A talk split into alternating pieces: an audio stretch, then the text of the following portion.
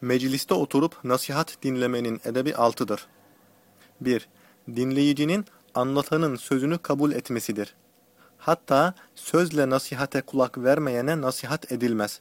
Edilse de faide vermez. Nitekim Sadi Şirazi Kuddise Sirruh, nasihata ehil olmayana nasihat etmek, kümbetin tepesine ceviz atmak gibidir buyurur. Mevlana da şöyle der. Ham demirden kılıcın yapılması boşadır. Öyleyse kabulsüz sözün dinlenmesi de boşadır. Yani tesirsizdir. 2. Dinleyicinin işittiği söze kalben inanmasıdır. Eğer işittiği sözü kalben tasdik etmezse, o söz hak da olsa faide vermez. Resulullah sallallahu aleyhi ve sellemin ve pek çok büyüklerin meclislerinde oturup istifade etmediklerinin sebebi inkar olmuştur. Yani inkar, sözcüğünün sözünün tesirini yok eder. 3. İşiten kimsenin işittiği sözü dil ile de tasdik etmesidir. Mevlana Cami şöyle der. İşitenin dil ile doğru dedin demesi, kamil insanları bile hikmetli sözleri söylemeye tahrik eder. 4.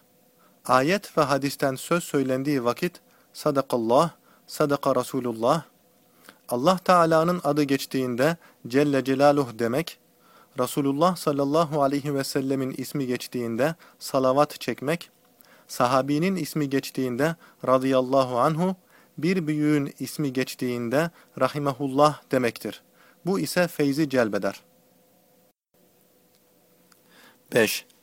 Kalbe vesvese geldiği zaman dil veyahut kalple estağfirullah demektir. Yani gaflete girmemek ve uyumamaktır. Resulullah sallallahu aleyhi ve sellem kim bizden bir hadisi işitir, kabul etmekle amel ederse, muhakkak o kalbi diri ve kurtulmuştur. Her kim bizden bir söz işitir, onunla amel yahut onunla iman etmezse, muhakkak o da helak olur. Diğer bir hadisi şerifte, kim bir mecliste uyursa, muhakkak o, Allah Azze ve Celle'nin rahmetinden ziyan etmiş ve şeytana da dost olmuştur, buyurmuştur. 6 faideli olmayan sorular sormamaktır.